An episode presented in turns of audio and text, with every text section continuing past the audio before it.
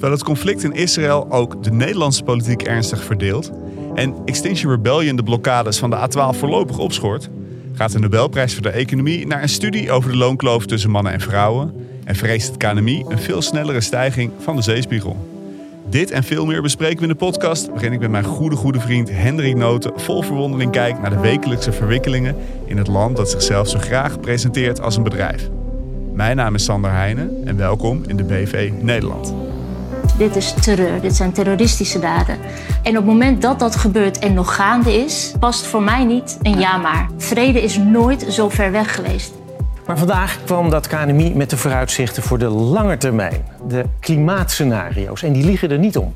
The Royal Swedish Academy of Sciences has decided to award Sveriges Riksbankspris in Economic Sciences to Professor Claudia Goldin. Ja, Hendrik Noten. Um, asking for a friend.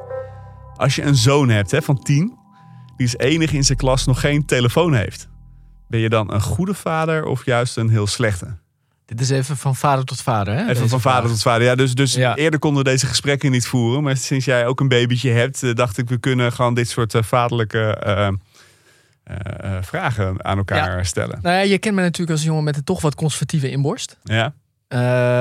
Ik, ik, stel me wel zo voor dat ik, dat ik zo'n man word die eigenlijk vindt dat de jeugd het gewoon moet doen zoals ik het vroeger ook deed. Want dat is de, God, ga je ook de in het, enige juiste manier. Ga je ook in het dorp wonen, ergens in de buurt van Duitsland? Ja, ja ik, sluit het, ik sluit het niet uit. Uh, dus ik, ik zou denken, nee, dan heb je het, uh, zolang jouw zoon dat niet echt behoefte aan heeft, dan heb je het uh, chapeau. Als hij liever lekker aan het voetballen is buiten dan dat hij op zijn telefoon zit. Dan ben je ja, een goede je, vader. Je, je maakt nu een stap. Ik ben het een beetje aan het inkleuren. De behoefte is er wel, al een Oké, oké, oké, oké. Ik vind tien wel echt jong. Maar dit is omdat, ik bedoel, van vader tot vader. Maar mijn, mijn dochter die doet op dit moment niet veel meer dan uh, worstelen met haar snotneus. Beeld is dat bij mij tien is nog best wel jong voor zo'n smartphone. Ik vind het dus ook jong. Maar dat is dus heel normaal, begrijp ik nu uit wat je ja, zegt. dus uh, alle kinderen in de klas hebben er inmiddels één. En ik heb altijd gezegd van, nou, je hoeft voor mij niet de laatste te zijn in de klas, maar ik vind, je hoeft zeker niet voorop te lopen. Maar is dat dan ook om bijvoorbeeld ook social media dingen te doen? Nou ja, dat is dus het ding. Kijk, ik, ik, ik heb er moeite mee, omdat ik klink al heel oud. Social media dingen doen. Ik hoor het mezelf. We lezen gewoon, je leest gewoon steeds meer studies over hoe verslavend iPhones Precies, zijn. Dat het ja. eigenlijk gewoon best wel schadelijk is voor concentratie en voor, voor allerlei, uh, ook voor sociale ontwikkelingsdingen. Scholen die die dingen aan het weren zijn ook steeds meer. Ja, en terecht. Ja. Waar, waar ik blij mee ben. Pas als, als de school het verbiedt op school, dan, uh, dan ben, wil ik het misschien wel geven. Uh, nee, maar het voelt, het voelt toch ook een beetje alsof je je zoon gaat introduceren aan heroïne. Hè? Als je leest over hoe verslavend het is. En dat er een industrie achter zit die dat bewust zo verslavend mogelijk maakt. Om maar je aandacht te vangen, om je maar dingen te verkopen. Want dat is eigenlijk hè, die verslaving. Mensen willen gewoon advertenties verkopen via apps, via social media dingen, zoals jij dat noemt. en ik, ik vind het gewoon. Ik zie er gewoon tegenop om hem aan te sluiten op, uh, op dat systeem. En toch gaat hij, ga je een keer door de pomp moeten. Nou, sterker nog, ik ontdekte dus dit weekend dat hij de enige is in zijn klas die het nog niet heeft. En dan mis je dus, kan je dus ook niet in de WhatsApp-groepen zitten. Weet je, dan mis je dus ook sociale dingen. En het is gebruikelijk dat je uh, met ouders appt om speelafspraakjes te maken. Maar die kinderen die appen elkaar nu. Maar ja. hij kan daar niet aan meedoen. Dus ik heb hem uh, zondag uh, een oude smartphone gegeven. Kijk. Daar een simkaartje in geduwd. Dus hij is nu uh, uh, ook aangesloten op de wereld. Ik heb wel allemaal van die, uh, van die limieten geïnstalleerd. Ja, heel goed. Dus heel veel apps kan hij maar een half uurtje per dag gebruiken. Ja. Hij zit nu ook, en dat vind ik dan wel heel leuk. Hij ging meteen vragen, ja, want als wij naar voetbalwedstrijden rijden. Hij voetbalt veel en fanatiek. Dan luisteren we vaak naar voetbalpodcast in de auto. En hij zit nu dus thuis, zit hij zelf. Heeft hij een beetje de AD voetbalpodcast en de Parool voetbalpodcast over Ajax. Zit een aantal van die voetbalpodcasts zit hij nu zelf te luisteren. Leuk. En ik heb ook maar even een abonnementje genomen voor hem uh, uh, op Jeugdjournaal podcast en Klokhuis podcast. Bestaat dat ook, ja? Dat staat ook allemaal, joh. Ja, dus het is een hele, die hele kinderwereld hè, uit jouw jeugd. Ja, is ook zeker. gewoon helemaal in die podcast apps aanwezig. Dus dat ik alleen nog te denken, zal ik hem ook Podimo geven of niet? Oei. Want ik dacht, het is eigenlijk wel lekker als hij niet kan horen wat ik hier allemaal zeg. Ja, ik denk, dan, dan moeten we ons wel heel erg gaan censureren als jouw eigen kinderen mee gaan luisteren. Ja, ja. ja. Daarover gesproken, goede reminder misschien. Ja. Iedereen die luistert. Vandaag is de laatste aflevering van BV Nederland op alle podcastkanalen. En zoals vorige week besproken, vanaf volgende week zijn we dus alleen nog te beluisteren op Podimo. Dus eh, eh, wil je dan blijven luisteren? Ga dan even naar podimo.nl slash BV Nederland. En dan kan je een proefabonnement eh, Ja, en nemen. dan kun je 60 dagen gratis luisteren sowieso. Dus sowieso tot na de verkiezingen. Je kan ook dan, als je op Podimo zit, naar ons boek luisteren van Toomgroei. Ken dat? Ja, mocht je dat nog- luisterboeken. Mocht je dat nog niet gelezen hebben. Het wordt, het wordt voorgelezen door Hendrik. Door zijn zachte, zachte prettige stemgeluid. Dus Ja, mooi hè? Eh, je, je hoort wel eh, eh, veel schrijfsels van mij. Maar niet- uitgesproken door de noot. Ik wil niet mezelf op de schouder kloppen, maar ik heb toen, toen ik dat ging ins- inspreken bij dat bedrijf eh, van stemacteurs, toen heeft die eigenaar geprobeerd mij te werven als Oh ja? stemacteur. Ja, verbaast me ja, niks. ja, die zei van, Goh, je hebt hier echt een talent voor. Wil je dit niet eens komen doen? Toen dacht ik, nou, journalistiek is al een uitgekleed vak. Nou, toen jij verslag deed over hoe dat ging, dat boek voorlezen.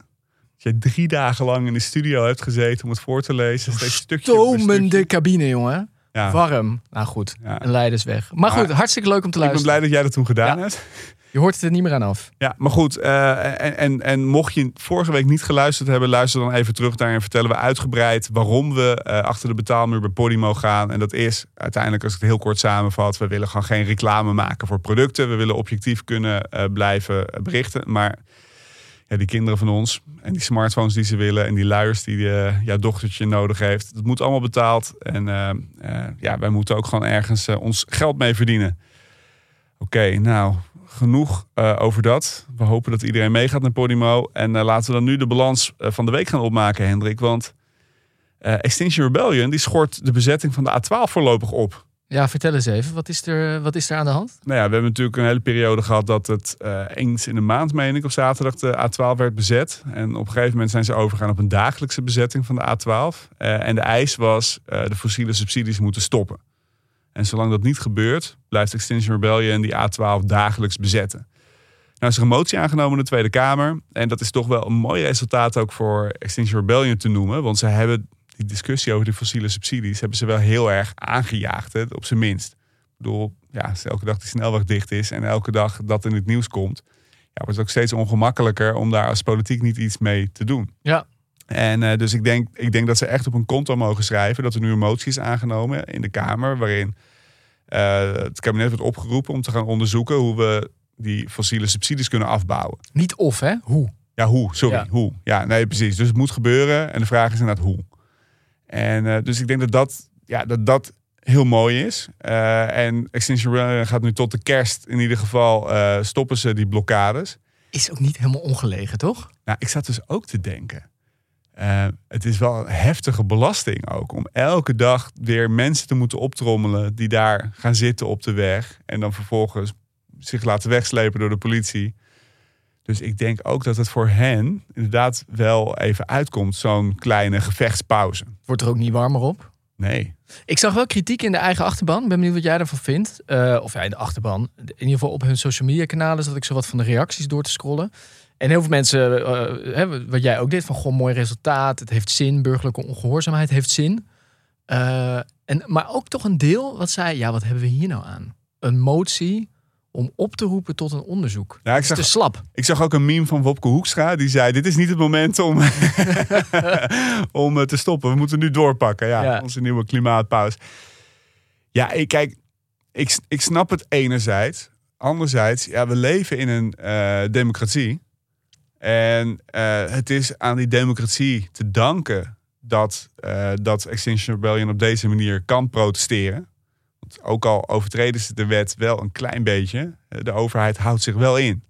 Het zijn gewoon een rechtsstaat en ze hebben rechten en ze hebben dit heel goed op de kaart gezet. En uiteindelijk zullen we toch, als die democratie ons lief is, moeten we ook die democratie het werk laten doen. En die democratie, die, die, molens draaien langzaam. En eh, vanuit het perspectief van Extinction Rebellion, en dat ben ik eigenlijk wel met ze eens, als het op klimaatvlak gaat, draaien die molens veel te langzaam. Alleen, het staat nu wel op de kaart. Ja. En het is nu in beweging gezet. Ehm, dus, dus ik vind die, ik begrijp die kritiek, maar ja, het- kijk, het alternatief is dat je, dat je, dat je, eh, ehm, dat je eh, politici, ministers zoveel mandaat moet geven dat ze gewoon van de een op de andere dag alles om kunnen gooien. En als je dat dan gaat doordenken, wat dat zou betekenen voor de samenleving als geheel en wat het zou betekenen als er ministers en volksvertegenwoordigers worden gekozen die eh, gewoon echt helemaal scheid hebben aan het klimaat. en welke kansen dan op kunnen gaan, dan denk ik dat je toch nu dat geduld moet opbrengen. En dat dit een overwinning is. En dat dit echt een overwinning is. Ja. En echt een knap resultaat ook. En ik denk dat de mensen die daar gezeten hebben, ja, dat die gewoon heel veel lof verdienen. En dat die, dat die echt trots mogen zijn over wat ze bereikt hebben. Ja, ja. Nou, de- mooi. Nou denk ik ook, en dat is een bruggetje naar het volgende onderwerp. Dat we het laatste van eh, Extinction Rebellion nog niet gehoord hebben. Want het KNMI kwam met eh, klimaatscenario's waar, ja, waar ik toch wel weer... ehm, ik bedoel, ik, ik wil niet zeggen dat ik al heel optimistisch eh, ben over hoe, hoe de klimaatverandering gaat uitpakken en hoe effectief we daarmee bezig zijn dat te voorkomen. Maar als je die laatste scenario's van het KNMI leest, over de stijging van de zeespiegel dan met name, het is toch een nieuw element dat die misschien wel in het zwartste scenario aan het eind van deze eeuw, dus jouw dochter die is daar in principe nog bij. Als je kijkt naar de normale levensverwachting, dan is zij eh, 77. Nou ja, mijn kinderen zijn dan in de 80, maar die zijn er misschien ook nog wel bij. Dat dan die zeespiegel misschien wel 2,5 meter eh, hoger staat dan nu. Ja, dus het KNMI heeft verschillende scenario's doorgerekend. Dat is wel belangrijk om, denk ik, dat even te benoemen. Ze schetsen eigenlijk een soort bandbreedte, best wel brede bandbreedte. Het gaat niet alleen over de zeespiegelstijging, maar die is nu wel belangrijk. En ze geven ook aan dat de onzekerheid daarin heel groot is. Hè? Het kan gaan van een aantal tientallen centimeters tot op een gegeven moment meters, eind van deze eeuw. En vooral ook nog in de eeuw daarna kan het nog slechter worden. Ja, en het heeft ermee te maken dat eh, de, het, het ijs, eh, het landijs op Antarctica, dat is eh, tot nu toe, wordt dat niet meegenomen in de eh voorspelling van de stijging van de zeespiegel. Maar ze zeggen, ja, we weten eigenlijk niet zeker hoe stabiel dat is. We weten het gewoon niet. En het klimaat, dat is een systeem. Het is wel grappig, dit weekend eh, vertelde een oom van mij, die eh, is een natuurkundige, en die legde me uit van, we weten niet zo goed hoe, waar, het omslag, waar, de, waar de precieze omslagpunten liggen. Je kan dus heel veel CO2 in de lucht uitstoten. Maar zo'n systeem, hè, als de aarde is, dat kan het een tijd lang kan je, kan je een grote verstoring hebben die eigenlijk niet kan. Alleen op een gegeven moment gaat het mis. En we weten gewoon niet zo goed waar dat punt ligt dat het gewoon echt misgaat. Ja, En, en dat kan 10 jaar zijn, dat kan 50 jaar zijn, dat kan twee eeuwen zijn. Maar dat weten we niet zo goed. Alleen, en hij zei ook van we zien nu wel heel veel dingen die nu aan het gebeuren zijn. Die gaan veel sneller dan eerder gemodelleerd is. Dus dat wijst erop dat het misschien wel, dat het misschien maar 10 of 20 of 30 jaar is dat we zoveel CO2 in de lucht kunnen hebben als we nu hebben gehad. ja. En als die ijskappen op Antarctica sneller gaan smelten dan tot nu toe geraamd, ja, dan komt, dat, komt die zeespiegel gewoon veel sneller omhoog. En ja, als huizenbezitter in het westen van Nederland, ja, ga je daar toch wel een beetje zorgen over Ja, maken. je denkt meteen het perspectief van de kap Ja, ik denk meteen aan kapitalist. mezelf. Ik denk Dat meteen aan mezelf. Ja, Ja, ja, je vermogen, dat moet niet minder waard worden. nee, je ziet nee. die afwaardering al Ik heb geen woonboot. Nee, precies. Nee. Nee, nou, niet alleen als... Ja, ik zou dan willen zeggen niet alleen als huisbezitter, maar eh, überhaupt Ook als liefhebber van, eh, van het land Nederland. ja, van de stad Amsterdam. Ehm, nee, wat ik. Wat ik Mooi dat je het toch weer kleiner maakt. ja, goed, ik weet waar onze luisteraars Amstelveen onderloopt dat. Kunnen we nog iets, iets recreatieplas van maken Ja. of zo. Volendam kan je ook hebben. Zeker. Amsterdam. Zeker. Ehm, wat ik er vooral interessant aan vind, en dat, dat zijn we misschien wel een beetje afgeleerd ook, is dat wat volgens mij heel erg de onderliggende boodschap in die scenario's nu is van het KNMI, is dat wij dus nu al. Kijk, in het slechtste geval wordt het rond het eind van deze eeuw. komen we al echt in de problemen. In het allerslechtste scenario. Dan zou de zeespiegelstijging 2,5 meter zijn. Dat is om en nabij de veilige. zeg maar de, de max van wat waarvan gezegd wordt. dat kunnen we redelijkerwijs aan. Maar tot nu toe gaat de overheid steeds uit van een meter zeespiegelstijging deze eeuw. En daarop de, de hele versterking van de afsluitdijk, eh, eh, al die waterkeringen. Ze gaan er tot nu toe vanuit, moet een meter stijging Ja. kunnen hebben. Hè? Maar- dus Maar wat hier dus in zit, is dat eigenlijk gezegd wordt: ja, er wordt eigenlijk van ons gevraagd dat wij 100 jaar vooruit denken. in termen van wat nodig is om wel of niet het land veilig te houden. Eh, en voor de bewoners dan, voor mijn dochter, maar eigenlijk ook eigenlijk voor haar kinderen en haar kleinkinderen. En nou zou je kunnen zeggen: eh, de politiek zou zich bezig moeten houden met lange termijn. Regeren is vooruitzien. zijn we niet zo goed in. Maar dat is de laatste tijd natuurlijk niet helemaal waar het over gaat. Als je alleen al ziet de fitties rond de spreidingswet en weet ik van wat allemaal. Maar dat is eigenlijk de opdracht die hierin zit. Van we moeten een, nadenken over bouwwerken waar we zelf het einde hoe dan ook niet van gaan, gaan zien. Of de voltooiing niet van Nee, gaan zien. maar ook waar we de vruchten niet van gaan plukken. nee, dus, de dus- kosten zijn nu. precies, dus het is een beetje cliché geworden, het kathedraal bouwen. Hè, de kathedralenbouwers eh, in de middeleeuwen, dat duurde soms ook twee, drie eeuwen. Dus de mensen die begonnen met de bouw, die zagen dat ding ook niet af.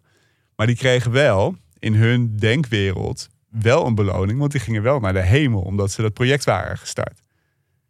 En ja, in een, in een seculiere wereld ehm, ja, kan je dus letterlijk zeggen, naar mij de zonsvloed. Ja. Want ja, je krijgt op geen enkele manier daar een beloning van. Behalve dat je misschien later wordt herinnerd door, eh, door nageslachten. Denk nou toch fijn dat ze dat eh, hebben voorkomen voor ons.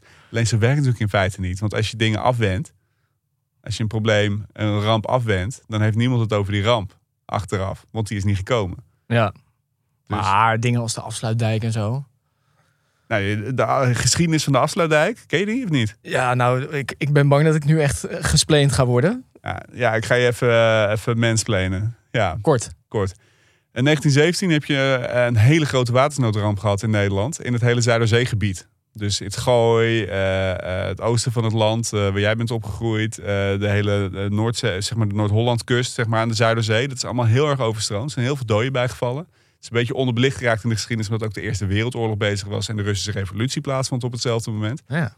Maar toen is daar dus een enorme watersnood geweest. En toen is besloten tot de deltawerken. Eh en het eerste deltawerk dat gebouwd is, is de Afsluitdijk geweest. Oké. En het tweede deel van die deltawerken is in Zeeland zijn ze gaan bouwen naar die watersnoodramp van 1953. Dus, dus al die werken die wij hebben, die zijn niet proactief gebouwd, maar die zijn als reactie op een ramp gebouwd. Want we willen de, de volgende ramp voorkomen. Op momenten dat mensen wisten wat die rampen waren. Ja. Dus het is eh, alleen het grote probleem van die klimaatverandering is.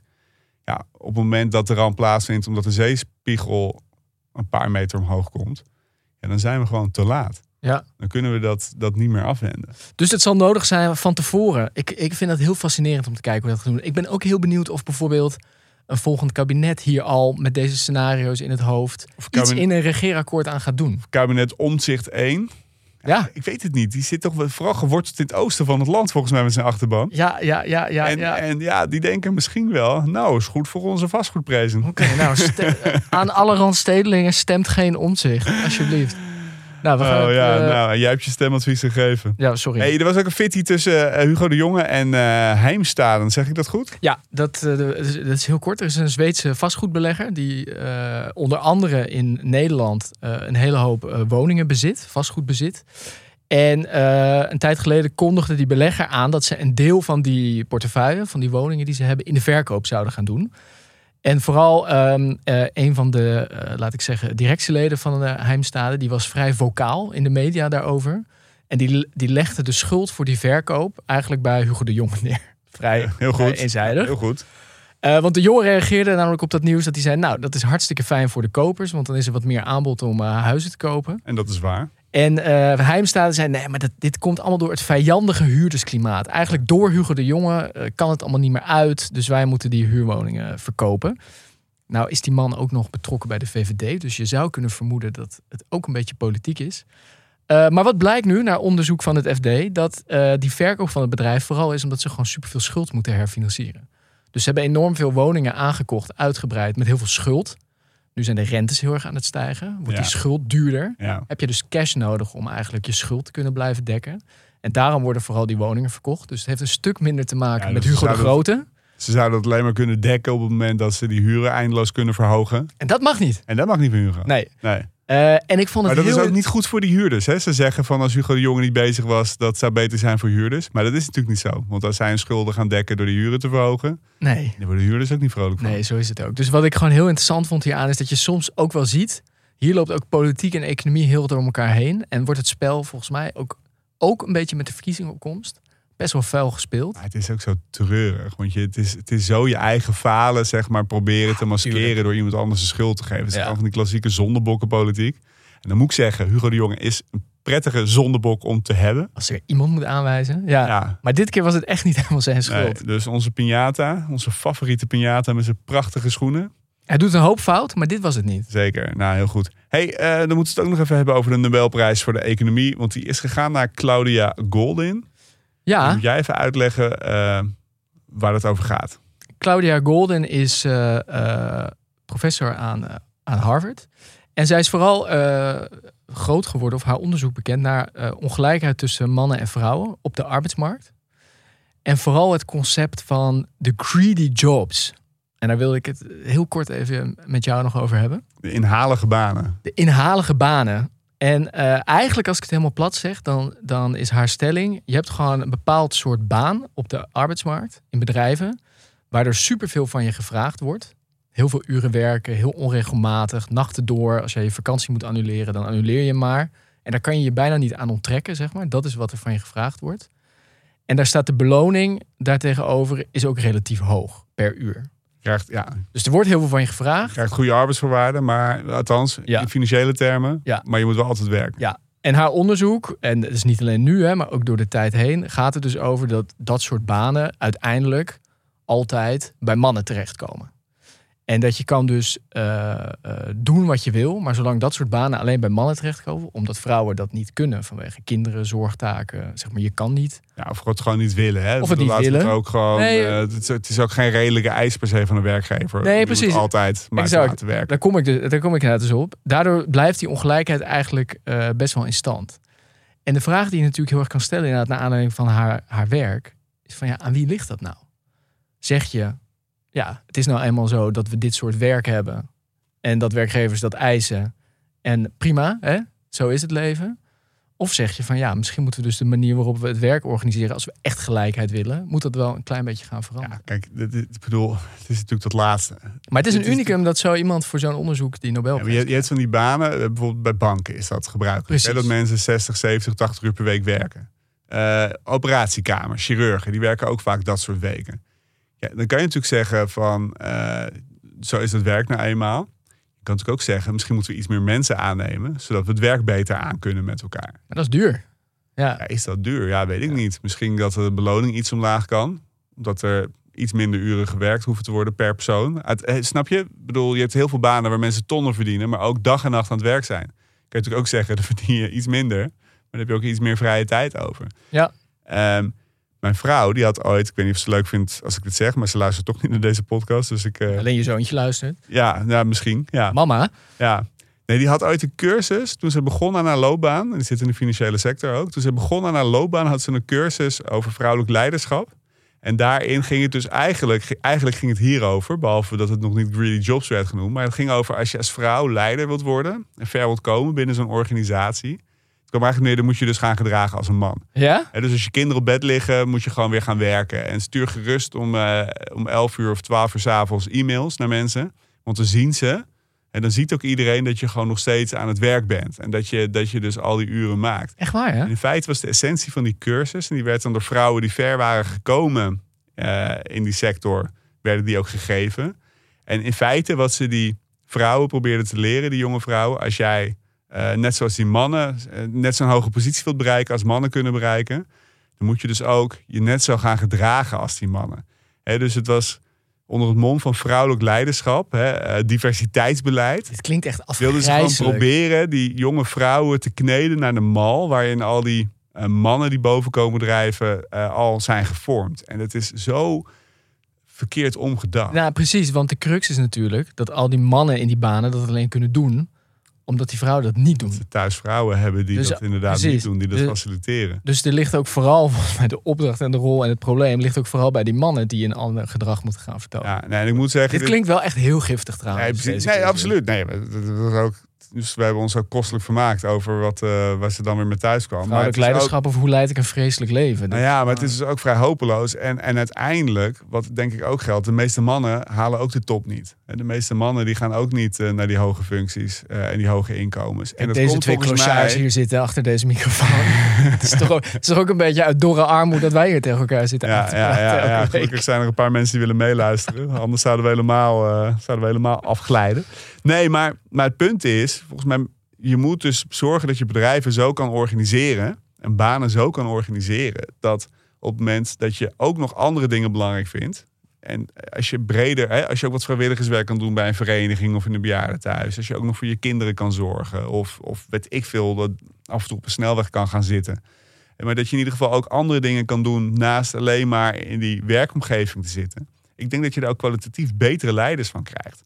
En we hebben nu leiderschap binnen Tuurlijk. onze bedrijven dat alleen maar gericht is geweest op winstoptimalisatie. Je hebt veel breder ontwikkelde mensen nodig. Dus het zou ook heel gezond zijn als we die mannen die niet 80 uur per week willen werken, ook de kans geven om boven te komen drijven. En daarvoor moet je dus het werk anders organiseren. Dus ik denk niet eens dat het een man-vrouw ding is, maar ik denk meer dat het een soort karakterding is.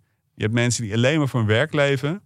En je hebt mensen die werken om te leven en ook begaan ze met de wereld. En, en ik denk dat we te weinig van dat slag mensen op de beslissende eh, functies hebben. En misschien is het Nobelprijscomité dat stiekem wel met je eens. Nou, dat zou zomaar kunnen. Het, het, het lijkt, lijkt mij voor de hand liggen dat de Nobelprijscomité Ja, mijn eh, filosofie omarmt. dit is al jarenlang een aanname, toch? Het is dat ik dat nu pas door heb. Hier drijf jij Ja, maar weet je, kijk, iedereen heeft een bepaald moment in zijn loopbaan en in zijn leven dat je bepaalde inzichten krijgt, Hendrik. Nou, ik vond het een hoopvolle prijs. Want eh, dat zeg ik dan alleen tot slot over. Het is jarenlang geweest dat de Nobelprijs voor de economie echt naar keihard neoclassieke economen ging. Ja, maar de laatste Dus jaren dat is is, dat echt aan het veranderen. Het is al een paar jaar Ja. is dat toch echt anders. En dat, eh, dat zegt iets over de veranderende tijd. En volgens mij is het hoopvol. Oké jongen, we gaan het eh, na de pauze hebben over iets wat een eh, stuk minder hoopvol is, eh, helaas. Ja, Hendrik, we ontkomen er denk ik niet aan deze week om toch ook iets te zeggen over de terreur in Israël. De enorme, het enorme menselijke drama dat zich daar eh, de afgelopen dagen en op dit moment nog steeds, en ik vrees ook de komende dagen en weken aan het afspelen is. En we gaan het niet zozeer hebben over wat daar gebeurt, maar vooral over wat hier gebeurt. En wat de impact is van, eh, van het drama in Israël op de Nederlandse politiek en het Nederlandse openbare debat. Want het is heel veelzeggend en er is ook veel over te zeggen. Maar eerst even, hoe heb jij dit beleefd eh, de afgelopen dagen? Ehm, ja, ik denk, ik denk sowieso zoals veel mensen eh, intens. Ehm, eh, de beelden, het nieuws, het langzaam doorcijpelen van, van, van het leed eigenlijk wat daar plaatsvindt. Het komt best hard binnen. Het is ook een cliché, moet ik eerlijk zeggen. Maar sinds ik ook vader ben, grijpt me dat nog meer aan. Dode eigenlijk. baby's zijn moeilijk te verwerken als je zelf een baby hebt hè, thuis. Ja, nou, het, het- zou natuurlijk sowieso heel moeilijk te verwerken moeten zijn. Maar het is wel serieus dat je het minder van je, je kan het minder externaliseren of Heb zo. je dat je je eigen kind dan ook een beetje ziet? Ja, tu- ja tenminste, ik Ja. heb dat wel. En daar, dus daardoor komt dat hè, sowieso met kinderen. Dat, dat grijpt je meer aan en je, je in één keer denk je van, goh, ja, het is- ja, het is iemands kind waar je naar zit te kijken. En, en ja, gelukkig niet de mijne, maar het is wel iemands kind. Eh, en voor mijn vriendin geldt dat wij ook, zij heeft collega's en vrienden die in Tel Aviv wonen. Dus het was ook wel even schakelen van, joh, gaat alles goed? En, en daar merkte je, daar voelde je ook eh, bij die mensen, die berichten die doorkwamen, dat echt de, het is vaker geweest dat er raketten waren. Eh, door de jaren heen hebben we vaker daar contact over gehad. Maar nu merkte je dat er echt paniek was. Dit was van een andere, van een andere orde. En dat, dat, dat was het al heel snel. En dat bleek denk ik in het weekend ook in de reacties die naar Nederland overwaaiden. Dat dit, we hadden hier echt met iets anders, eh, met iets anders te maken. Ja, dus ik heb best intens gevolgd, moet ik eerlijk bekennen. Ja. Ja. Ja, het is, het is, het is, het is die plek, jongen. Dat, dat, ik, kijk, we gaan, het, we gaan het niet hebben over... Ik, ik vind namelijk, als je kijkt naar, naar al die doden... En inderdaad, ik heb hetzelfde hè, met, met, met dode kinderen. Dat is gewoon het allermoeilijkste, het allermoeilijkste te accepteren. Of het nou Israëlische kinderen zijn, of het nou Palestijnse kinderen zijn. Weet je, het is gewoon... Ja, het is zo'n hel. En ik ben daar... Ik ben eh, ooit... ehm, wanneer was dat? Ik denk rond 2008 of 2009 ben ik, eh, ben ik een tijdje in Israël geweest. Ik ben ook op de Westbank geweest. eh, Palestijnse gebieden. Voor jezelf of voor werk toen nog? Of? Ja, voor een soort studiereis. En, en ik ben ook aan de grens van Gaza geweest. Maar we mochten Gaza niet in. Ehm, dus dus de, de Hamas was daar al aan de macht. Je, je, ja, je kon daar gewoon niet naartoe. Ehm, maar als je, dat, als je dat ziet en als je daar bent, dan... Het is, het is en dat vind ik zo lastig aan dit conflict. Het is van beide zijden eigenlijk zo invoelbaar. Je, je- je- als je daar rondloopt, dan merk je zo ten eerste... het is een heel klein land, hè? Dus ik bedoel, het is echt alles... Het is een ligt- heel klein land. Alles ligt heel dicht bij elkaar. Ehm, als je op die Westbank bent en daar met mensen praat... dan, dan denk je echt van, wat zijn die... Dan, dan, dan denk je echt, wat zijn die Israëli's toch verschrikkelijke bezetters. En andersom, als jij in Israël bent en, en hoort over de aanslagen en de raketten. Want als je bijvoorbeeld in Sederot kwam toen al, aan de grens met Gaza. Ja, een bushalte is daar niet een bushalte zoals hier, maar dat is gewoon een bunker. Weet je, en alle huizen hebben, hadden van die raketschilden op hun dak, hè, van beton en zo. Weet je, het is, eh, het is geen normaal leven. En dan denk je van, van wat zijn die Palestijnen verschrikkelijk bezig. En het is die geweldspiraal die daar volgens mij al 80 jaar of langer eh, gaande is. Waar we maar niet uit lijken te komen met elkaar. En volgens mij moeten we het vanaf daar pakken naar het debat in Nederland zelf. Ja. Want wat mij heel erg opviel de afgelopen dagen. Ik heb met ontzetting zitten kijken naar wat er daar gebeurt. Geweld beide kanten op. eh, allebei verschrikkelijk. Want uiteindelijk het leidt tot doden en het leidt tot niets. Volgens mij hebben we inmiddels wel geleerd, na al die jaren. Geweld de ene kant op, leidt tot geweld de andere kant op. Leidt weer geweld tot de ene kant op. En uiteindelijk, die, die spiraal moet doorbroken worden. Zelf gaan ze daar niet uitkomen. Dus je moet van buitenaf als bondgenoten. En volgens mij zijn we als Nederland zowel een bondgenoot van Israël als van de Palestijnse gebieden. Want wij geven ook ontwikkelingshulp aan de Palestijnen. We helpen ze met allerlei dingen. Eh, we zijn eh, een bevriend land met Israël. Ja. We hebben heel veel eh, handelscontacten en vriendschapsrelaties. En eigenlijk zou je als buitenwereld, zou je nu als internationale gemeenschap, waar wij onderdeel van zijn, zou je als je het goed voor hebt met de mensen, met de vrede, moet je op de een of andere manier, en ik snap wel dat het deze week niet kan, maar hadden we ergens de afgelopen eh, decennia, en dat zal eh, de komende decennia niet anders zijn, zou je toch partijen onder druk moeten zetten om echt tot een vrede te komen. Om ze echt gewoon te helpen om dit te doorbreken. En als ik dan kijk naar hoe het debat in Nederland de afgelopen dagen is gevoerd, dan heb ik niet het idee dat we daar aan toe zijn, of wel? Nee, misschien moeten we eens een paar dingen eh, eventjes uitproberen te, te pikken. Eh, wat echt opviel, want ik ben het helemaal met je eens. Je, ik merk al ook in hoe jij er praat. Je probeert zorgvuldig te zijn in hoe je erover praat. Je probeert de complexiteit ook te zien. Je probeert volgens mij niet meteen naar één mening te gaan en te zeggen: met die mening ga ik nu op dit probleem rammen. En, niet eh, iedereen heeft die behoefte, hè? Nee, en dat, dat, dat, jij zei, je zit met ontzetting daar te kijken. Ik, met een ander soort ontzetting ook te kijken naar inderdaad dat debat hier in Nederland. En vooral de snelheid waarmee dat eh, op gang kwam. En misschien moeten we, Gretigheid ook. de gretigheid, ja. En misschien moeten we concreet gewoon eens beginnen bij... ehm, zullen we er gewoon een paar reacties uitpakken? Lijkt me goed. Misschien concreet eens beginnen bij eh Dylan. Die samen met Uri Rosentaal, De leider van de VVD en eh voormalig premierskandidaat. premierskandidaat en voormalig VVD-minister van Buitenlandse Zaken. Klopt. Is wat ook nog heel even geweest, hè? zeg? Nee, Rosentaal. Oh, Roosentaal, sorry. Ja, ja, ja. ja, ja. Eh, die zat aan tafel bij eh, Op 1. Eh, ook onder andere met een oud ambas voormalig ambassadeur, volgens mij. ja. Voormalig diplomaat. En ja, wat zag je daar gebeuren in dat gesprek? Nou, het, het, was, het was totaal absurd. Er Hij zaten, zat er om te reageren hè, hierop. Ja. Maar als partijleider of als minister, dat is me niet helemaal... nee, dus er duidelijk. zaten allemaal mensen aan tafel die op de een of andere manier een, een, een hele directe relatie hebben met Israël. Ehm, of met Palestijnen. Maar voornamelijk met Israël. Eh, en die, die staat natuurlijk heel erg uit, eh, uit de emotie te praten. En dat is logisch. Ik bedoel, als ik, als ik familie zou hebben op, op, in Gaza of eh, in Israël, zou ik ook heel erg emotioneel zijn en zou ik waarschijnlijk ook overreageren. Hè, dat bedoel, je gaat vanuit die emotie en die ontzetting en de angst voor je familie. ben je misschien niet in staat om op dat moment op een hoger niveau naar te kijken. En het over fundamentelere oorzaken van problemen te hebben. Ja, hoeft ook niet. Hoeft ook niet. Dat kan je ook niet van die mensen vragen. Alleen als je zegt, ik ben premierskandidaat. En Jezielkus heeft laatst letterlijk gezegd in verschillende interviews dat zij klaar is om premier van Nederland te worden. Ja, dan, dan, dan kom je op wat ik net zei over. ehm, ehm, ehm, als internationale gemeenschap zou je dus wel moeten kijken naar wat zijn de onderliggende problemen. Wat maakt nou eh, dat, dat, dat die geweldsspiraal niet stopt? En dat staat helemaal los van hoe verschrikkelijk eh, deze terroristische aanvallen zijn. Want aanvallen op burgers, dat is, bedoel, dat is. Dat heeft ook niks met, met oorlog of met hoffelijkheid te maken. Ja, hoffelijkheid is helemaal niet de goede term om hier te gebruiken. Maar dat, dat weet je, dat, ja, dat, dat, dat is op geen enkele manier goed te praten. Nee. Alleen, ehm, kijk, als je premier wilt worden, zou je toch, je toch moeten proberen op de een of andere manier onderdeel te zijn van de oplossing. Ja, en de oplossing zou op korte termijn zijn, denk ik in dit geval, in ieder geval proberen te voorkomen dat er minder, niet meer of gewoon burgerslachtoffers vallen op korte Precies, termijn. Geen kinderen meer omkomen daar. Precies. Of het nou in Gaza is of aan de Israël. Zeg maar op korte termijn, hè? even los van alle. Dat is wat je in ieder geval zou willen zien ge- gebeuren. Precies. En Jezielkus was daar aan tafel gaan zitten, heel duidelijk, om te laten zien. Ze zat er echt in de campagnestand. Dat ten eerste. En dat is natuurlijk al heel onsmakelijk, vind ik, om. eh, ik gebruik de term te vaak de laatste tijd, maar bedenk ik me nu. Maar het, is gewoon heel onfris om eh, op zo'n moment, terwijl er mensen aan het sterven zijn en de gevechten nog doorgaan, om dat dan te gebruiken om jezelf te profileren van kijk eens hoe, hoe hard ik hier eh, op inhak. Ten tweede had ze nul interesse om een gesprek te voeren met. Er zat ook een Palest- Palestijns-Nederlandse politicoloog aan tafel. Die hele zinnige dingen zei.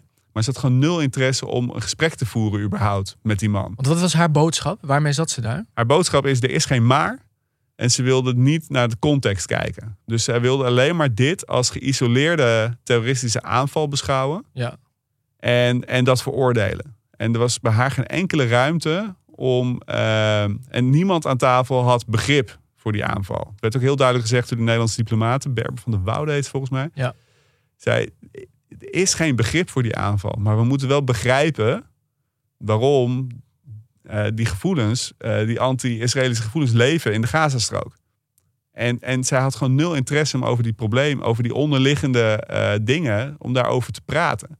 En nou kan ik me voorstellen dat je zegt, ik vind het niet het moment om daarover te praten op dit moment. Want het is nog gaande, prima. Maar dan moet je er niet gaan zitten.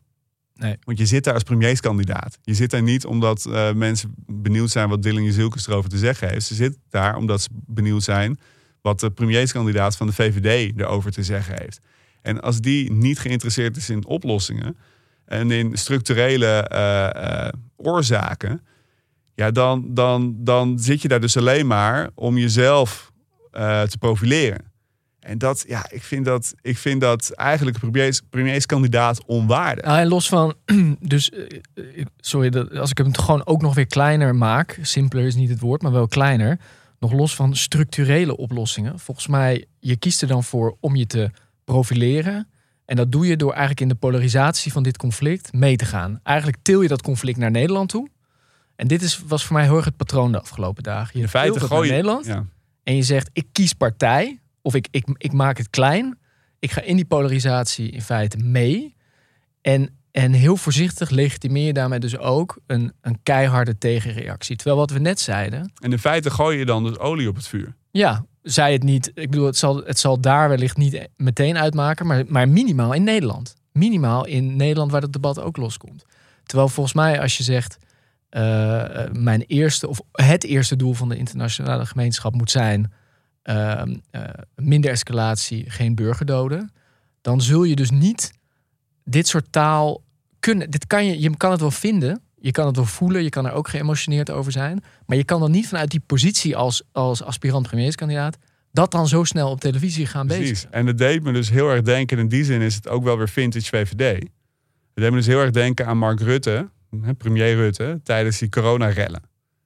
En toen zat hij ook, toen zat, was het ook het eerste wat hij zei, toen die rellen, volgens mij in Eindhoven liep het heel erg uit de hand, bij andere steden in Nederland. Zei hij, ik ben niet geïnteresseerd in sociologische verklaringen. Ja, Dat je denkt van ja, als je niet geïnteresseerd bent in waar het vandaan komt, dan ben je dus ook niet geïnteresseerd in oplossingen. Of in een, een blik van hoe komen we hier ooit weer uit? Hoe, hoe, komen we weer, eh, hoe worden we weer heel als samenleving? Hoe komen we weer bij elkaar? Ja, en, en zij zit dus in diezelfde denkgroef.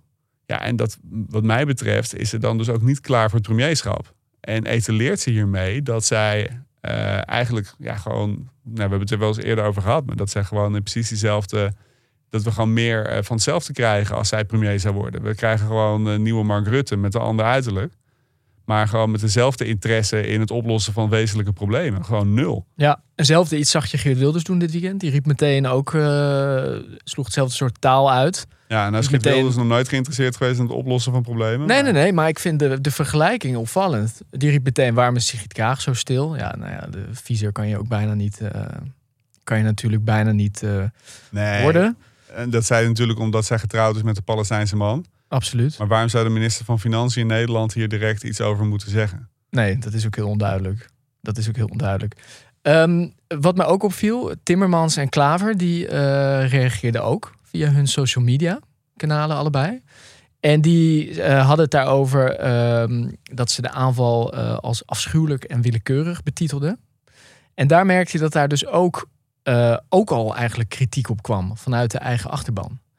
En waarom? Dat Nou, het niet, niet scherp genoeg was? Of omdat te ze, omdat ze het wel veroordeelden? Nee, te eenzijdig. Dus dat ze ook geen oog hadden voor eh, de Palestijnse kant in hun, eh, in hun reactie. En wat me dat wel ook daarin ook liet zien, is hoe moeilijk het dus ook geworden is, in ieder geval binnen de Nederlandse context, om hier een normaal gesprek over te voeren. Want het was eigenlijk een, een, een, vrij simpele reactie via social media. Maar de, die, die, die groeven of die kampen, zeg maar, het is zo.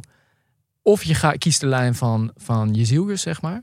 Of je gaat heel, helemaal aan de kant van wat ik bij bijeen heb gezien. Van dat je heel erg zegt van nou, we moeten pro-Palestina, zoals dat dan, uh, dan betiteld wordt. Maar dat die ruimte daartussen van dat normale gesprek, waarbij je gaat zoeken naar oplossingen met elkaar, dat, dat, daar is bijna helemaal geen ruimte voor, helemaal geen platform voor. Nee, dat is toch wel heel erg. Want je kan, bedoel, je kan zo niet anders. eh, Op het, moment, dit, op het moment dat de baby's worden onthoofd, want dat is wat er gebeurd is. Ja, dat is afschuwelijk. En het is totaal. Het, het, leidt, het leidt ook gewoon tot niets. Weet je, Hamas helpt de Palestijnen waar ze het voor zeggen te doen, helpen ze er ook helemaal niet mee. Weet je, even los van het leed van de slachtoffers. En andersom, zo'n tegenaanval, zo'n hele stad nu belegeren. Eh, twee miljoen mensen afsluiten van, van drinkwater, van stroom, van alles. Bombarderen. Zeggen, ja, dan moet je maar weggaan. Terwijl je de grenzen dicht houdt. Weet je, je helpt er gewoon de oplossing. Je, je helpt er niemand mee. Het, je komt niet dichterbij. En op het moment dat je daar juist in een land wat iets meer afstand heeft, gewoon simpelweg omdat we een paar duizend kilometer vandaan zitten, dat we daar niet meer een constructief gesprek over kunnen voeren en we hier al niet eruit kunnen komen met elkaar hoe dit opgelost zou kunnen worden. Ja, hoe kan je hen dan helpen om tot een oplossing te komen? Maar waarom is dat zo moeilijk hier? Waarom heeft dat te maken met eh, de aard van onze politici? Of heeft dat ook te maken met de aard van onze media? Zo'n talkshowtafel die daar gewoon totaal ongeschikt voor is. Waarom is het zo moeilijk om tot dat gesprek te komen? Nou, ik denk dat we in Nederland een mediacratie hebben gebouwd die dat heel ingewikkeld maakt. Want wat we zien, we, we worden elke. En, en dat houdt ook de aandacht vast. Hè? Dus, dus, dus in de media, redacties hebben heel goed geleerd van hoe houden we aandacht van mensen vast. En dan kan je op social media kijken van hoe werkt dat dan. En ik sprak laatst iemand eh, die zei van ja, ik had eh, die avond eh, dat het begon, heb ik een paar uur op Twitter gezeten. En ik was echt zo emotioneel daarna. Dat ik gewoon helemaal. nee, ik zei van, we begon helemaal gek te worden. Ja. Gewoon helemaal niet overdrijven. Hè? Van, van, want je ziet, je ziet al die slachtoffers, al die beelden en, en nul uitzoom. En wat je dus zou willen, zeker van de publieke omroep, is dat ze niet die emoties alleen maar voeden. Maar dat je, ehm, ja, dat je, dat je met, met mensen die er wat afstandelijker naar kunnen kijken, gewoon toch duidt wat er aan de hand is. Wat er aan het gebeuren is. Want die duiding en die rust, die heb je nodig om, om, eh, om naar een oplossing te kunnen. Maar op het moment dat je in, je, eh, in de media die je tot je neemt, of het nou de sociale media zijn, wat natuurlijk één brok emotie is. Maar als je ook in de, in de, de reguliere, de mainstream media, als je daar ook alleen maar emotie over je uitgestort krijgt. En begrijpelijke emoties. En ook wel terechte emoties. Maar op het moment dat je alleen maar emotie in het debat aan het pompen bent. Ja, volgens mij krijg je dan dus ook een politiek debat dat alleen maar eh, op die emotie zit. En niet op die ratio. En we hebben hier gewoon toch een beetje meer ratio nodig. Om gewoon dit, om die, om die, die weerwar, die kluwen die dit probleem geworden is, om die te ontrafelen. En we komen er gewoon niet als we het publieke debat op deze manier voeren. En het gaat nu over Israël en eh, de Palestijnen. Maar in feite is dit natuurlijk wat, wat we bij al die dossiers al zien. Alleen hier is de emotie nog heftiger en invoelbaarder. Ja. Want het gaat over dode kinderen. Maar in feite voeren we al die debatten in Nederland. Of het nou gaat om stikstof, of eh, weet ik veel, files, of, of, of eh, klimaatverandering, of ja, eh, noem maar op. Ja. We doen het allemaal een beetje op de emotie en op het gevoel. En ja, ik denk dat we daar niet mee vooruitkomen. Nee, ik denk wel dat het groot verschil is. En, en dat vind ik er persoonlijk wel heel erg aan. Dat het hier wel gaat, en dat noemde je aan het begin, dat als jij bij wil dragen aan een oplossing, als land of als Europese Unie, als Nederland zijnde, dat je op zijn minst wel in staat moet zijn om dan hier zelf in ieder geval wel dat geïnformeerde gesprek over te voeren. Omdat je anders in ieder geval nooit die bijdrage gaat leveren. En kijk, het kan zijn over boeren die boos zijn. Maar hier gaat het natuurlijk gewoon om ongelooflijk veel leed en burgerslachtoffers. En dan is de verantwoordelijkheid ook hoger. En zou eigenlijk de lat ook hoger eh, moeten liggen. Ik zou een kleine lans willen breken als het mag voor Frans Timmermans. Ja, uiteraard. Ja, nee. eh, Nee, maar niet, niet echt niet als. eh, ik ben, tuurlijk, nee, tuurlijk, niet, als, niet als fanboy, maar hij zat deze week later bij Galit en Sophie om zich. En, en misschien ook dus wel voor eh, Sophie een lans willen breken. om zich ook wat te verdedigen tegen die kritiek uit zijn eigen achterban. En hij probeerde daar eigenlijk heel rationeel uit te leggen hoe hij dit als diplomaat bekijkt. Dus hij zei: Kijk, ehm, wij moeten nu tegen Israël zeggen: Ja, je hebt het recht om jezelf te verdedigen. Dat recht heb je. Maar wij moeten ook begrijpen dat daar paniek heerst. Wat we er ook van vinden, daar heerst paniek. Maar wij moeten ook zeggen: wij kunnen je alleen daarin steunen als je proportioneel bent in de manier waarop je jezelf verdedigt. En als je niet meer proportioneel bent, dan kunnen we je niet steunen. En pas als het, de paniek is gezakt en het geweld is geluwd, dan kunnen we ook gaan werken echt aan oplossingen. En toen dacht ik toch, en dat is niet omdat het mijn partijgenoot is, dacht ik ja, dit is wel wat ik van een premier wil horen. Ja. Dit is wat ik wil horen. Het, wat vind je van het probleem nu? En hoe denk je dat we eruit zouden kunnen komen? Ehm, dus ik, ik wilde hem toch even een klein complimentje. Nee, ja, ik, ik, en ook aan Sophie die daar ruimte toe bood. ja, omdat hij dit ook snapt. Ja, Dat blijkbaar. hij ook gewoon die rust heeft. Ja, dus, dus dat is een eh, goede presentatrice. Ja. Maar, maar, maar eh, ja, wat, ik, wat me ook opviel, de andere kant op moeten we het ook nog even over hebben. Ja. En dan misschien wel eh, gewoon de grote fluisteraar van de Nederlandse onderbuik, Johan Derksen. Die, die, die, die sloeg de andere kant op helemaal door. Hè, die zegt op het moment dat dit gaande is, zegt hij letterlijk eh, in zijn programma: ja, de Joden hebben dit aan zichzelf te danken. Ja. Ja. En dat, en dat is dan ook, nou ja. Daar gaat begin veel jij fout, maar, hè? Begin jij maar met de analyse wat er allemaal misgaat in dit Nou, simpele zinnetje. Ik wil daar niet... Ja, god, Johan Derksen. Ja. Nou ja, het is wel de best bekeken talkshow van het land. Dus dat moeten we toch niet vergeten. Nou, om te beginnen... Als je Joden en de staat Israël door elkaar gebruikt. Eh, eh, Precies. Maar dat is ook gevaarlijk, hè? dat is toch ongelooflijk? Ja. Dus dan gooi je die verantwoordelijkheid naar alle Joden toe, waarvan er ook heel veel in Nederland wonen. Die maak je dus per direct nu ook verantwoordelijk daarmee. Ja, die maak je verantwoordelijk voordat er eh, geloofsgenoten van ze zijn afgemaakt. Ja. En in plaats van dat je dus de, zeg maar de, de eh, misdaden van een staat, hè, de entiteit van een staat pakt, eh, betrek je het dus helemaal op het volk. En je maakt dus inderdaad het volk daarmee verantwoordelijk. Nou, dan hoef ik niet, hopelijk niet helemaal uit te leggen welk pad je dan inslaat. Eh, maar dat is, dat is. En nog even los van de, de domheid en, en de ongevoeligheid, denk ik ook wel van de opmerking op dat moment. Maar maar wat je er ook mee doet, is je zegt in feite, door zo'n opmerking te maken, zeg je in feite, Hamas heeft het recht om dit te doen. Want Ja. die ander heeft het erna gemaakt, die is verantwoordelijk. En de, en, de, en, de, en de terroristen van Hamas, die met hun auto naar eh, burgergemeenschappen zijn gereden, naar huizen zijn gereden en daar ongewapende burgers in koele bloeden hebben afgeslacht, die op een festival allemaal mensen die feest aan het vieren waren, gewoon, gewoon hebben vermoord in een hele grote getalen. Die zijn niet verantwoordelijk, want de Joden zijn verantwoordelijk. ja, Dus je ziet hier dat aan twee kanten, of je, en dat, dat is volgens mij het probleem van partij kiezen in dit conflict. Dit is namelijk een onmogelijk conflict om partij in te kiezen. We hebben, eh, ik, ik zat The Rest is Politics te luisteren, zo'n eh, Engelse podcast. En die leggen dan even heel kort uit, zeg maar, wat het Israëlisch-Palestijnse conflict is. En die beginnen gewoon 3000 jaar geleden. ja, heb je even. Ja, heb je even. Nou, die leggen ze in een paar minuten uit. Eh, doen, ze best, doen ze echt wel heel goed. Maar tegelijkertijd, mensen die dus nu zijn geboren, zijn in die context van 3000 jaar strijd en gedoe geboren. Dus je, je, je kan niet zeggen de een of de ander is meer of minder verantwoordelijk. Dit gaat erom, als die mensen daar moeten wonen allebei. eh, en even ervan uitgaan dat we tegen etnisch zuiveren zijn, eh, moeten die mensen, die bevolkingsgroepen er allebei wonen. Moet je dus komen tot een op, werkbare oplossing. En, en, en als, je, ja, als je dus dit soort opmerkingen maakt, in feite zeg je dan, eh, ja, Joden hebben het er zelf naar gemaakt, die moeten daar dan niet wonen. Of, en, en andersom, Ja. als je zegt, ik wil niet over, hè, zoals je Zilkes, ik wil niet kijken naar de context. Ik wil alleen maar kijken naar dit nu. Hè, dit zijn hele nare eh, mensen, hè, die strijders van Hamas, en die moeten gewoon vernietigd worden. Dan kijk je ook niet naar die context. In beide gevallen zijn dus, is het dus heel makkelijk geroepen vanuit de onderbuik. Maar het, Maar ja, ik moet dan toch, ja, sorry, ik wil niet, ik, wil, ik, vind ook, ik moet hier dan toch een beetje denken aan Caroline van der Plas. Weer, moest ik ook na dit voorbeeld weer aan denken. Die heel erg een lans brak voor ook voetbal internet, of eh, vandaag in site, sorry. Die letterlijk zei, de onderbuikgevoel is ook gevoel. We mogen volgens mij gewoon met elkaar zeggen, dit, dit helpt niet. Zeg maar, dit soort, het maakt niet uit dat het de best bekeken talkshow is. Maakt ook voor op één niet uit.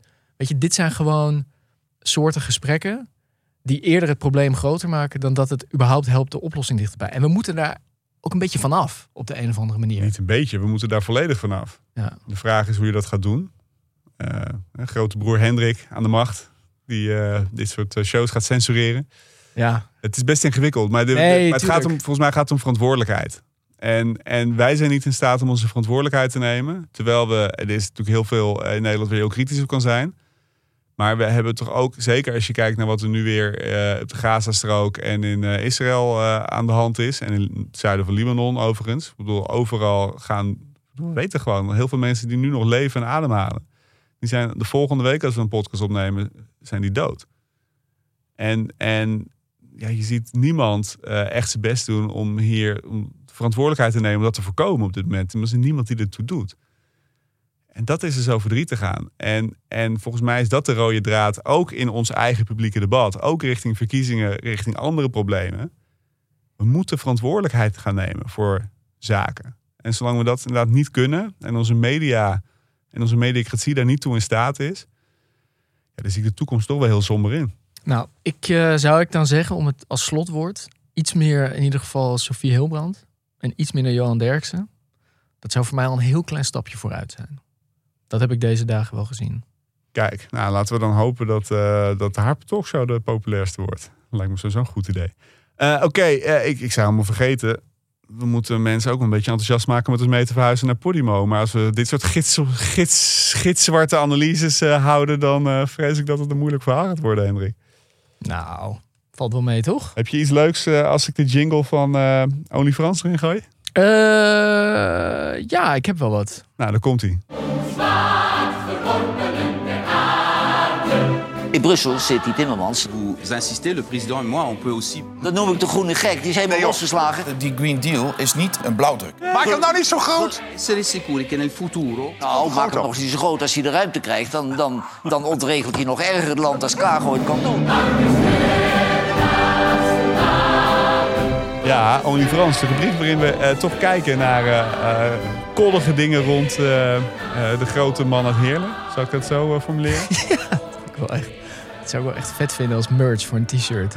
De grote man uit Heerlen. Ja, ja, ja, ja. Ik, ik weet niet of hij dat leuk vindt. Ik Ja, zou het wel leuk vinden. Als iemand eh, die t-shirts eh, op de markt wil brengen, eh, bij deze geven wij het auteursrecht voor dit zinnetje vrij. Nou, ik heb, niet, ik heb iets... het is niet helemaal koddig, maar ik vond het toch wel heel opvallend. Vertel. Frans heeft, terwijl wij opnemen, vanavond zit hij met Bernie Sanders op het podium. Daar hebben we het al eerder over gehad. Het schijnt een... hij was in de Bali ook. Het schijnt een gênante vertoning te zijn geweest. Echt waar, of ja, niet? Ja, dat Bernie was goed. Maar gewoon de, de hele setting van de vragen die gesteld werden door... eh, Want het was voor afgoding? Of... Nee, het was heel erg gewoon eh, proberen Bernie Sanders de Hollandse klei in te trekken. En Gewoon heel klein, heel provinciaal. Zeg maar heel erg. Ik maak wel eens grap, hè, van je bent in de buurt van Duitsland opgegroeid. Ja, Maar wel gewoon- eens. Ja, Elke elke aflevering week. wel een keer. Ja, nee, tuurlijk. Maar ik vind het ook leuk om een beetje spot te drijven, weet je wel. Helemaal Met in de buurt van Duitsland waar ik ben opgegroeid. nee, maar ik vind het leuk om te spotten met het provinciale, wat heel veel Amsterdammers hebben, weet je wel. Gewoon dat je echt niet over die, over die ring heen kan kijken, zeg maar. Maar dit was blijkbaar, ik was er niet bij, maar dit was blijkbaar een interview dat er echt gewoon helemaal vanuit de Nederlandse context was. En dat je dan zo'n man hebt, weet je wel, waar je echt, nou, gewoon zo'n internationale, zo'n heel groot politicus. En dat je dan een beetje ja, over hele kleine Hollandse zaakjes gaat praten met waar hij gewoon niks over te zeggen heeft, Ja, ja, weet je wel. Oh, mooi. Maar goed, dit terzijde. Nou, eh, wat me gewoon heel erg opviel. eh, Frans heeft een groot, zijn eerste groot campagne-interview gegeven. Ja. Waar denk je dat hij die gegeven heeft? Poeh. Ehm, Ik vind het echt knap als je het raadt. Oké, Telegraaf? Nee. Guardian. Oh, The Guardian. Ja, uiteraard. Ja, vandaar dat ik het gemist heb. Ja. Ik lees alleen maar Amsterdamse kranten. En ik vond dit, dit feit aan zich... Ik, het, het puzzelde mij. Ik zat er helemaal over na te denken van... Waarom geef je je eerste grote ca- campagne-interview aan The Guardian? Nou, misschien een beetje te oefenen. Ja, het enige wat ik kon bedenken is hij. Ze zijn hem echt. Ze proberen zijn internationale statuur op te bouwen. Van dit is een man die, die in de buitenwereld ook al bekend is, weet je wel? Het is niet zo, hè, Willem III, die heeft ooit eh, eh, Engeland veroverd. Hè? Maar goed, eh, onze derde stadhouder, maakt niet uit. Dus dat is niet wat hij wil. Nee, volgens mij helemaal niet. Dus hij had een interview in The Guardian waar hij heel veel kritiek had op Rishi Sunak, die daar allemaal klimaatbeleid aan het, af, aan het afschalen is. Dus hij ging er ook lekker met, echt met gestrekt been in. Maar het was helemaal... eh, nee, het ging over zijn, zijn pitch als, als premierskandidaat. Als waarom hij premier van Nederland wilde worden. Dacht ik, ja, ik weet niet wat de gemiddelde Britse lezer daar in godsnaam mee te maken heeft. Maar, Nee, maar ik denk dat veel experts, Nederlandse experts lezen misschien The Guardian en die stemmen normaal op D66 en die kunnen nu op Frans stemmen. ja, Nee. ik denk, er, zit, er zit een idee achter. Hij zei of erin het is even overigens... droog oefenen gewoon. Dan denkt, als ik hier een uitgeleider maak, dat heeft toch eh, niemand door in Nederland. Nee. Nou, hij zei daarin overigens één ding interessants. Dat wilde ik er nog even uithalen. Dat is verder niks grappigs, maar ik vind het wel boeiend. Hij zei ehm, eh, eigenlijk dat argument dat klimaatbeleid heel duur is. En dat mensen hè, daar last van hebben en het niet mee kunnen maken. Hij zei, als we niet oppassen, wordt dat steeds meer een soort nep-argument voor de rechterkant van de politiek. Om niks te doen. Die kant heeft nooit naar die mensen omgekeken. Maar nu het om klimaatbeleid gaat, dan zijn in één keer is de portemonnee van mensen een probleem. Heel actueel in het Verenigd Koninkrijk momenteel. Ja, precies. En ik vond dat, ik heb hem dat eerder horen zeggen. En ik, ik, ik, ik weet nog niet helemaal wat ik ervan vind, maar het is volgens mij wel een, ik weet niet, het is wel een interessante gedachte die hij daar heeft. Maar ik ben dus ook benieuwd of hij dat ook echt mee naar Nederland eh, gaat nemen de komende tijd. Bijvoorbeeld als de CEO van Transavia weer zegt, jullie pakken mensen hun vliegvakantie af. ja. of hij dan ook. Maar goed, we gaan we zien. ja, dan ben je zo'n hond. Als je dat, maar goed, daar gaan we het andere keer weer over hebben. Ja, dat was Frans. Nou, en dan eh, na al die, eh, al die somberte eh, die uit mijn ziel is boven komen borrelen vandaag. Laten we dan eens gaan kijken of er iets... iets ik, begin, ik kan eigenlijk niet, helemaal niet meer praten daardoor. Toen we Laten we dan eens gaan kijken of er nog iets vrolijks is. En ik hoor hem al aankomen. Het is de vrolijke noot. Ja, ik neem je even mee naar Zuidoost-Azië. Kijk, niet met het vliegtuig toch? Nee, we gaan eh, Zeilen. met de TGV of zo. Eh, nee, ik neem je even mentaal mee naar Zuidoost-Azië. Ehm, eh, ook niet op de klassieke backpackvakantie. Daar is namelijk het laatste tien jaar, is daar in, waar het gaat om gezondheid van kinderen en moeders, is daar iets heel bijzonders aan de hand. Gaat goed? Ja, de World Health Organization is daar tien jaar geleden een groot programma opgezet. En luister goed, de sterfte onder moeders bij de bevalling, ik weet niet hoe je dat noemt goed in het Nederlands, eh, is gedaald met 41 procent. Kraamsterfte, jaar. Kraamsterfte, 41 procent. Sterfte van kinderen jonger dan vijf jaar met 45 procent gedaald. Eh, en eh, zeg maar de wiegedood, dus de dood van net geboren baby's, gedaald met 40 procent. Tien jaar. Dat is mooi nieuws. Dat is toch serieus knap? Ja. Dus we kunnen altijd zeuren op eh, beleidsmakers en zo. Maar soms kan je toch dingen doen die eh, Ja, je kan uiteindelijk het leven toch een beetje beter maken. een beetje beter. Dit is echt spectaculair, Ja, vond ik dit. en eh, het is, het is gez- gezien het onderwerp van vandaag, dacht ik, ik moet ook nog even een vrolijk nootje meenemen. Oh. Ja, We zijn de spel... Oké. ja we veranderen de, de regels tijdens het spel. Ik hoop dat je dat eh, mij Helemaal lekker loose. Het energieverbruik per inwoner in Nederland is terug naar het niveau van 1970. Oh ja. Ja, we hebben, het CBS heeft het becijferd. Ehm, dus, dus we zijn de afgelopen, al sinds 2010 verbruiken we steeds minder energie. Daarvoor gingen we steeds meer energie verbruiken. Nou, dat is nu steeds minder aan het worden. Komt door onder meer zuinigere auto's, beter geïsoleerde huizen. eh, allerlei andere ehm, ehm, apparaten, zoals koelkasten, wasmachines enzovoort, die steeds zuiniger worden. Heeft ook te maken met beleid en wetgeving. Hè. Die energielabels die eh, nu verplicht zijn voor alles wat stroom verbruikt. Dat helpt dus. Ja. Mensen kopen graag iets met een groen label. En eh klap op de vuurpijl. Het was dus al aan het dalen. Maar 2022, die enorme gascrisis, heeft ertoe geleid dat mensen hun kachels veel lager zijn gaan zetten. En minder gas zijn gaan ge- gebruiken. Substantieel minder. Dus ehm, ehm, ja, het energieverbruik daalt. En als we die daling door kunnen trekken en door kunnen zetten. Dat betekent dat je relatief iets minder windmolens en kerncentrales en zonnepanelen nodig hebt om die energietransitie te vervolmaken. Nou. En gezien die eh, KNMI-scenario's. Ja. eh, brood nodig. En voor jou als Amsterdamse huisbezitter. Zeker. Fijn nieuws. Zeker, zeker. Anders moet een hele grote dijk om Amsterdam bouwen. Oh ja, dat, dat gaan we dan doen Vind ik inderdaad. eigenlijk sowieso wel een goed en daar idee. gaan de mensen in Groningen voor betalen. Ja, Toch? ja, het lijkt me wel. Die Ja. hebben altijd gassenlucht in Precies. eh, laten gaan. Ja. Ja. Nou, mooi. Wat, zullen we dit wel eenmalig doen? Want ik, ik wil jou niet te veel in mijn rubriek laten. ja, nee, sorry. Dan zal ik volgende keer weer wat vrolijker zijn tijdens. Ehm, Ja, dan kan je dit aan mij laten. ja, en eh, dan hebben we ook nog wat reacties van luisteraars. Ja, nou ja, we kregen vooral veel reacties op eh, ook natuurlijk ons verhuisbericht. Ja, Ehm eh, een aantal mensen waren blij, anderen niet, hè? Ja, maar wel, ik, wat ik wel in ieder geval heel tof vond, er zijn een hoop mensen die zeiden van, joh, oké, ik, ik ga met jullie mee verhuizen. Een aantal mensen die ons heel netjes ook een e-mail stuurden en eigenlijk uitlegden van waarom ze dat niet gingen doen. Ja, Ehm, maar hoe dan ook, bleek wel uit alle reacties dat er in ieder geval wel waardering was, volgens mij, voor onze uitleg van waarom we het doen. En toen dacht ik, eh, wat fijn dat we dat wij in ieder geval met onze luisteraars wel kunnen proberen daar gewoon een normaal gesprek over te hebben. Ja, ja heel fijn. Dus eigenlijk iedereen die reageerde, wil ik zeggen, of, of je nou zei van joh, jammer, of zei van hé, hey, ik ga mee. eh, Sowieso dank daarvoor. En al helemaal dank als je ook nog eens uitlegde wat je overwegingen daarbij waren. Want dat vind ik echt bijzonder dat, die- dat mensen dat doen. Absoluut. En ik heb ook heel veel begrip voor. dat mensen zeggen van, eh, ja, ik vind het lastig. eh 5 euro per maand. Dus, dus, dus ja, nee, ja. We, we gaan jullie wel echt missen. Dat heb ik ook een paar mensen die dat stuurden teruggemaild. Ehm, we gaan jullie echt missen. En we hopen dat jullie in ieder geval nog bij ons blijven in de gratis proefperiode van twee maanden. Ehm, maar ja, tegelijkertijd, ja, weet je, ja, het is, Ja, het is wel we wat het gezegd. is. Ja. Zo is het. En het is maar 1,25 euro per aflevering. Dus eigenlijk, hè, als je het alleen voor ons doet, kan dat misschien ook nog best wel. Oké. Gaan we hem afronden? laten we het maar doen. Zeg ik, dank voor het luisteren. Volgende week zijn wij er dus weer met een kakelverse aflevering over alle verwikkelingen in onze schitterende BV. Maar dan zoals gezegd alleen nog op Podimo. Wil je dat dus nog een tijdje uitproberen? Ga dan even naar podimo.nl slash bvnederland. Dan kan je in ieder geval een gratis proefabonnement nemen. En ik knal die link ook in de show notes. Die link knallen we in de show notes. Wat we ook in de show notes knallen is het e-mailadres bvnederland.creator-podimo.com als je vragen hebt of opmerkingen, iets wil laten weten. En tot slot kan je ons altijd opzoeken op Instagram, bvnederland. Niet bij Wiebre van Hagen uitkomen, ik zeg het er altijd maar even bij. Eh, of op LinkedIn, mag ook direct naar Hendrik Noten, Sander Heijnen. Daarmee gezegd, tot volgende week. Tot volgende week, jongen.